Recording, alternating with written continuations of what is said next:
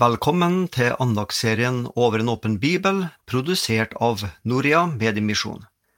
Takknemlighet, det er det det skal handle om i dag og denne uka. Og det er meg, Svein Anton Hansen, som er denne ukas andagsholder. Som nevnt så er det altså takknemlighet det skal handle om, og den første andakten i dag har jeg satt som overskrift Takknemlig for Guds nåde. Har du tenkt over eh, hva som ofte skjer med oss når vi tar det gode i livet for gitt? Når vi slutter å undre oss over alle de gode gavene som Herren Gud øser over oss? For Gud, han gir gaver, synlige så vel som usynlige. Ikke alltid ser vi de godene han rekker oss, men trolig oftere er vi nok heller blinde for gavene som møter oss gjennom hverdag og uke. Når vi tar Guds gode gaver for gitt, da kan dessverre fort takknemligheten forsvinne, og i stedet så legger selvfølgeligheten seg, som et sånn grått teppe over de godene Gud vil vi skal oppleve å ta inn i livet. Ja, når vi tenker etter og ser oss tilbake i livet, så vil vi forhåpentligvis komme til den konklusjonen at Herren Gud har vært eh, god mot oss. Gavene har vært både mange og ofte ufortjente. Men uansett størrelse eller lengde på velsignelser vi har fått av Herren, så vil alltid Guds nåde i Jesus Kristus være den største gaven vi kan motta. Jula er åpenbart den tida på året hvor dette med å gi gaver står sterkest blant oss. Jesusbarnet var og forblir den største julegaven til mennesker til alle tider. Om denne uforståelige, umistelige og ufortjente julegaven, så skriver disippelen Johannes følgende i sitt første kapittel. Det sanne lys, som opplyser hvert menneske, var i ferd med å komme til verden. Han var i verden, og verden er blitt til ved ham, og verden kjente ham ikke. Han kom til sitt eget, men hans egne tok ikke imot ham. Men alle dem som tok imot ham, dem ga han rett til å bli Guds barn, de som tror på hans navn. De er ikke født av kjøtt og blod, heller ikke av menneskers vilje, heller ikke av manns vilje, men av Gud.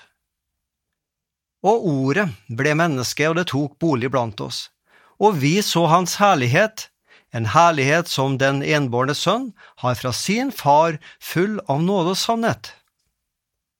For av Hans fylde har vi alle fått nåde over nåde. For loven, den ble gitt med Moses. Nåden og sannheten kom ved Jesus Kristus. Ja, det her er evangelisten Johannes sin poetiske måte å fremføre juleevangeliet på.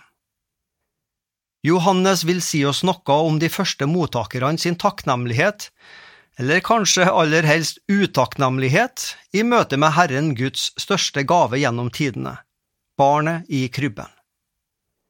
Verden kjente ham ikke, skriver Johannes, altså kjente ikke igjen Herren Guds fotavtrykk i verden. Derfor forholdt de fleste seg likegyldige til Jesus, i alle fall fram til han noen tiår senere sto fram som Guds sønn og verdens frelser. Da ble menneskene utfordra til å si ja takk eller nei takk til å følge han. For eh, evangelisten Johannes så var det om å gjøre å fortelle leserne om innholdet i denne Guds julegave. En herlighet som den enbårne sønn har fra sin far, full av nåde og sannhet.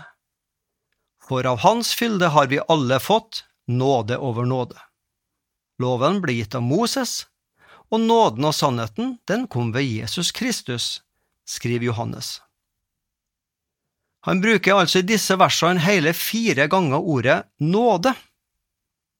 Dette ordet har blitt et av de mest sentrale ordene som uttrykker den kristne tro. Nåde.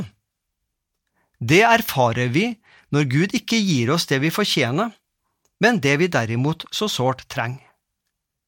Som syndere så fortjener vi straff for våre brudd på Guds gode vilje og bud. Men i stedet så overøser Herren oss med synstilgivelse og håpet om en evighet i himmelen. Noe vi trenger, men altså ikke har gjort oss fortjent til. Jo mer vi innser at Guds nåde gis oss gratis og ufortjent, jo mer vil takknemligheten til Gud vokse naturlig fram. For det er en vesensforskjell på lønn og fortjeneste på den ene sida, og nåde og gave på den andre sida. Når vi har gjort et arbeid, da får vi jo lønn som fortjent, og lønna er ikke nåde.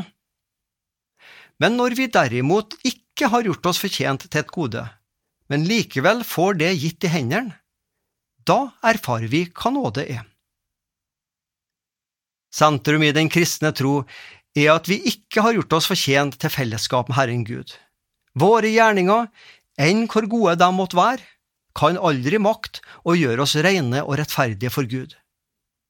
Vi må motvillig innrømme at sjøl i de aller beste gjerningene vi klarer å prestere, så ligger ofte egoistiske motiver under.